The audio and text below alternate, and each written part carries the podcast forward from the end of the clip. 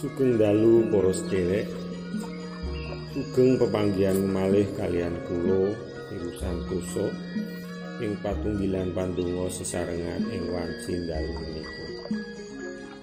Mugi-mugi para sedherek sedaya tansah winengku ing sekadarman lan panganyomanipun Gusti satemah para sedherek sedaya sami manggih kesarasan lan Sumangga kita nyawiji ing manah. Miwiti patunggilan pandonga kita dalu menika kanthi repening kidung pasamuan Kristen anyar. Ulung dosa wolu foto setunggal lan tiga ingkang karepeaken dening sederek Japang sajanarko kairing musik dening sederek Itasari saking sumlangmu pasrahno marang aku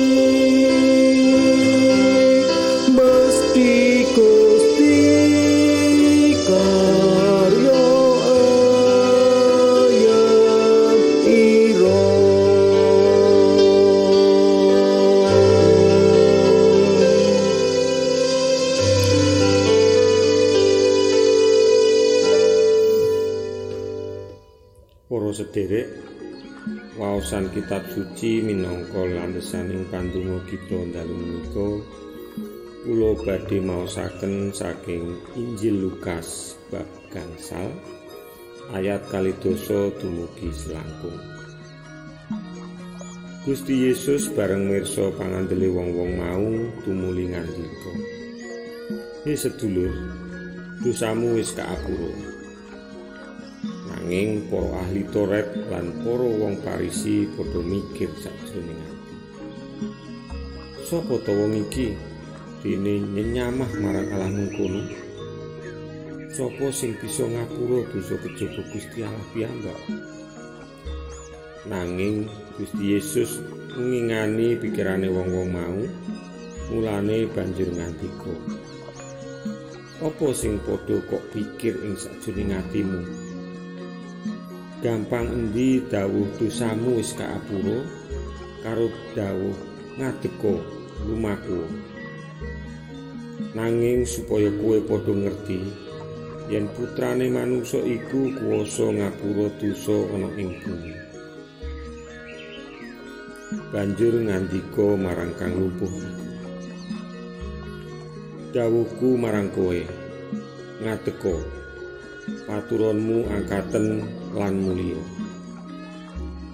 saknalika iku uga wong mau banjur ngadeg ana ing ngarepe wong akeh mau ngangkat paturane tumuli mulih kalawan luhurake Gusti Allah.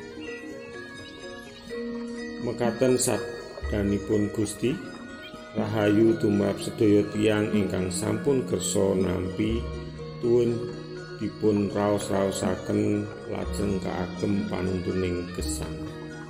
Haleluya. Para sedherek ingkang kinasih, panyuraos wanci menika kaparingan jejel sumarah sakjroning pangandel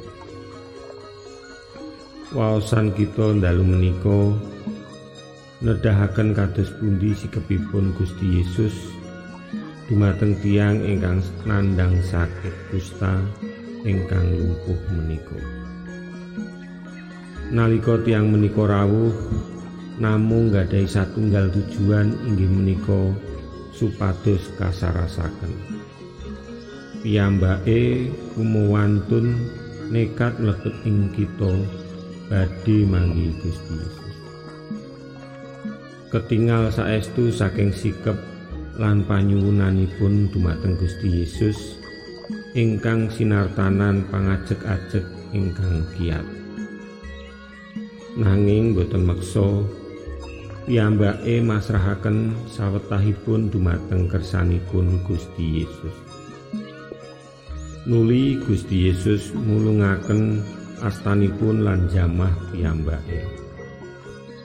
Menika ateges Gusti Yesus saestu nampi lan gatosaken lan nelakaken jejibahan lantaraken pangluwanipun satemah si panandang kapulihaken.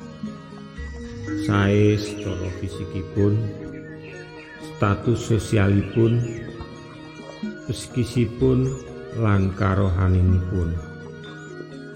Gusti Yesus kedah nedahaken menika ing sakngajenging para imam lan tiyang Farisi saha sedaya ingkang rawuhi pakempalan menika.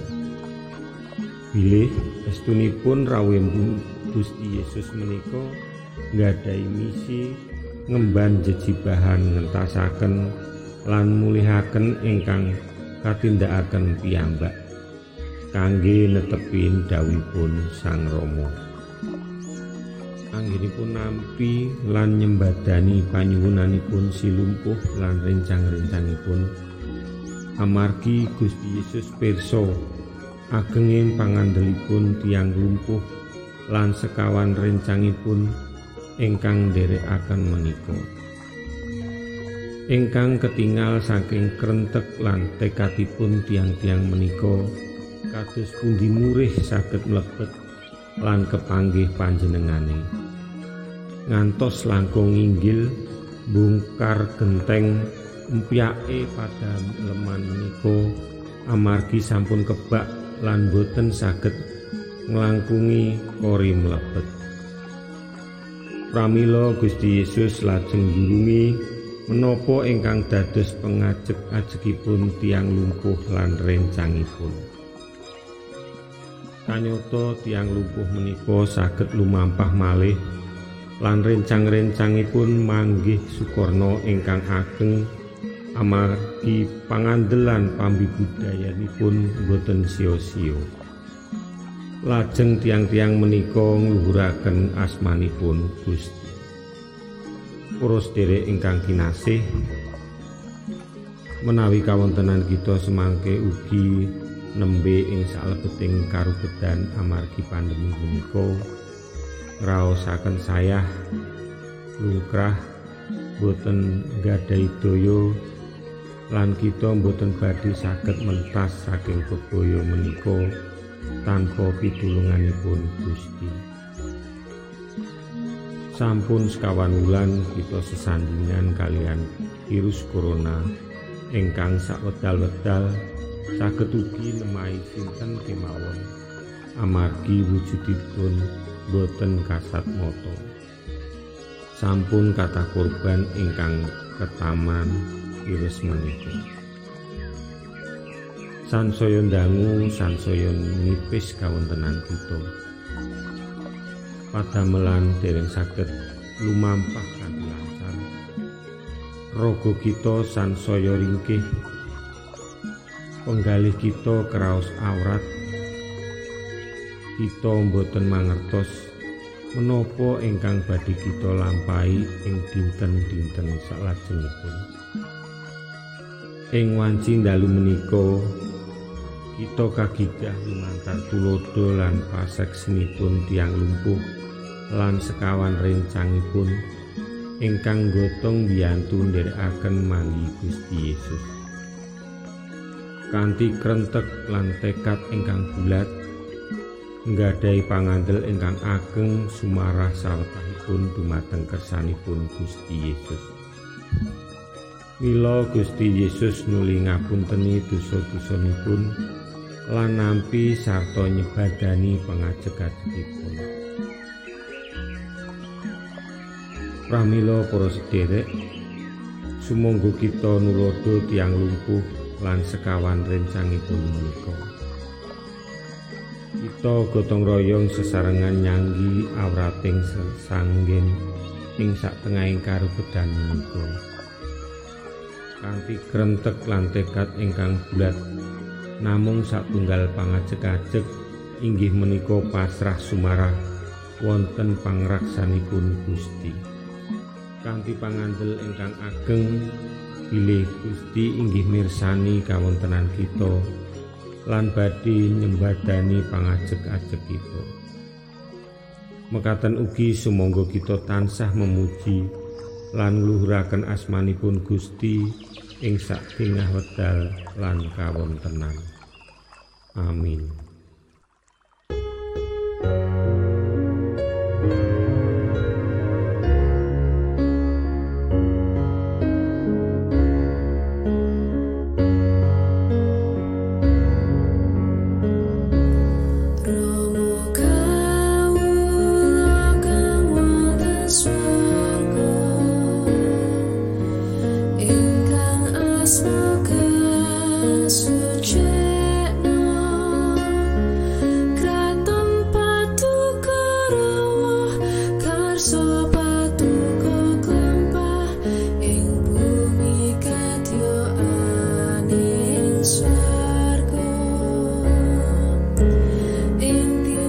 Sumangga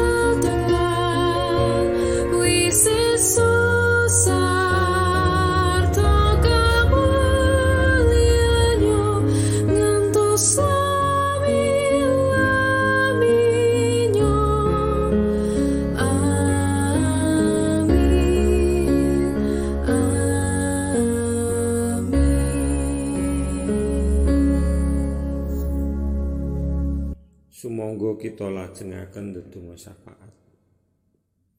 Duh Rama ingkang Maha Kuwasa, kepareng kawula ngaturaken panuwun awit pangrukti lan panganyoman paduka ing saktengahing gesang kawula. Ing swasana pandemi Covid-19 ingkang ketuwa-tuwa ngantos priki dereng mendha ugi batus kawula ngraosaken lungkrah lan sayah tanpa daya badan kawula ringkih kadya kajeng ingkang gapuk. Balung-balung kawula kraos linu. Suku kawula dados awrat kangge tumapak niti gesang ing saktengahing panggebluk menika. Nyuwun pangaksama paduka duh rama awit kekirangan lan karingkian kawula menika. Kawula inggih namung saged sumindi masrahaken badan nyawa kawula sawetahipun kanthi gumolonging manah lan pengandel kawula dumateng paduka kemawon. Kawula inggih nyuwun pitulungan paduka kados dene tiyang lumpuh ingkang sampun paduka sarasaken menika temah kawula ugi kasagetna tansah ngluhuraken asma paduka. Wonten is sih kadarman paduka kawula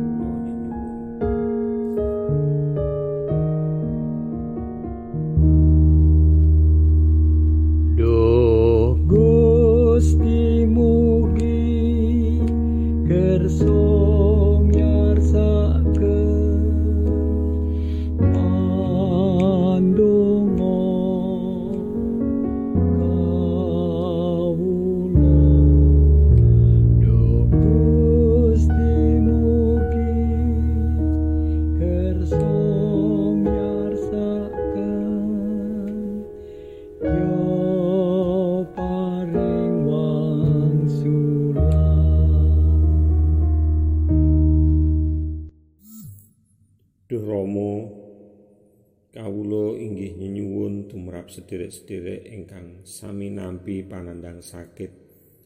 Amargi virus corona menika saha sakit sanesipun. Mugi paduka kersa nyebadani punapa ingkang dados pangajek-ajekipun mekaten ugi para dokter juru rawat lan sedaya instansi kesehatan paringono kegiatan lan semangat anggenipun ngemban jejibahan awrat menika. Amargi pendak dinten sansaya kathah pasien ingkang kedah karukti ugi dumateng para winasis saha perusahaan farmasi ingkang bebudidaya murih manggihipun jambi. Ugi vaksin kangge nambani lan menggak memolo virus corona menika Paduka paringi margi terang temah enggal-enggal kak produksi nyekapi kabetahan. Wonten sih kadarman paduka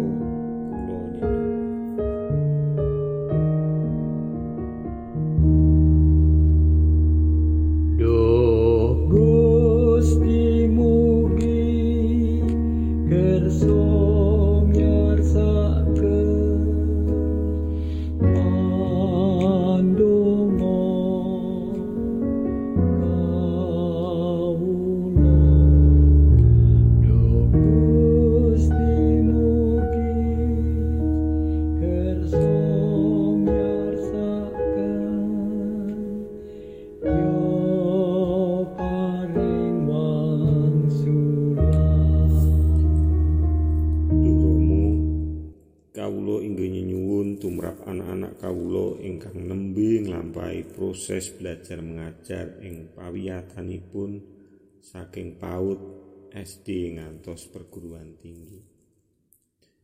Paduka berkahi satemah saged kalampahan kanthi sae mituhu pranatan-pranatan enggal ingkang katetepaken. Kacekapno ubur ampe ingkang kabetahaken materi pengajaran ingkang trep kalian swasana pandemi menika sanajan karosaken awrat mugi lare-lare panggah anggadhahi raos semangat anggenipun ngudi kawruh kangge nggayuh cita-citanipun para guru lan tiang sepuhipun paringono kawicaksanaan lan kasabaran Kawulo inggih nyenyuwun tumrap pemimpinan bangsa lan nagari Indonesia. Paringono kawicaksanaan, kesehatan, lan panganyoman satemah saged nindakaken sedaya jejibahan kanthi tanggal jawab. Mugi-mugi perekonomian saged lumampah malih. Dunia usaha saged ngrembaka sae menika usaha ingkang alit mekaten ugi ingkang ageng.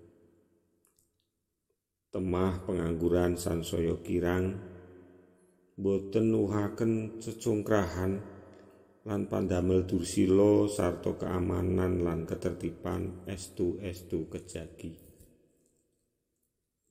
Kawula ugi ndedonga tumrap lampahing paladosan gereja-gereja ing pundi-pundi panggenan.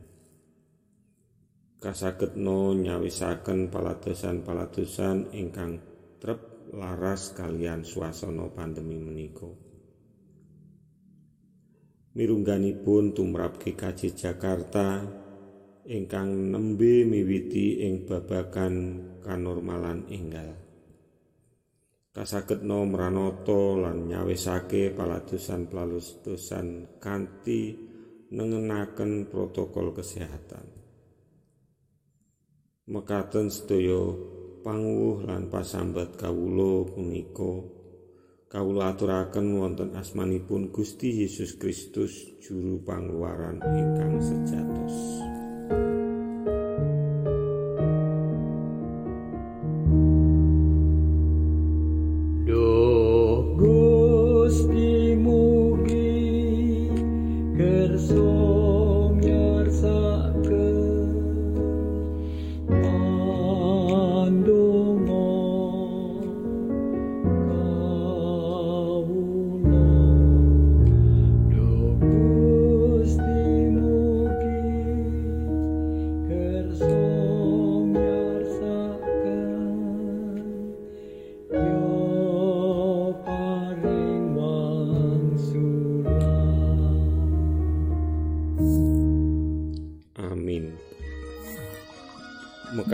Mekaten purnaning pandonga kita ing wanci dalu sapunika ing wasana sugeng dalu sugeng asu Gusti tansah njagi kita. Nuwun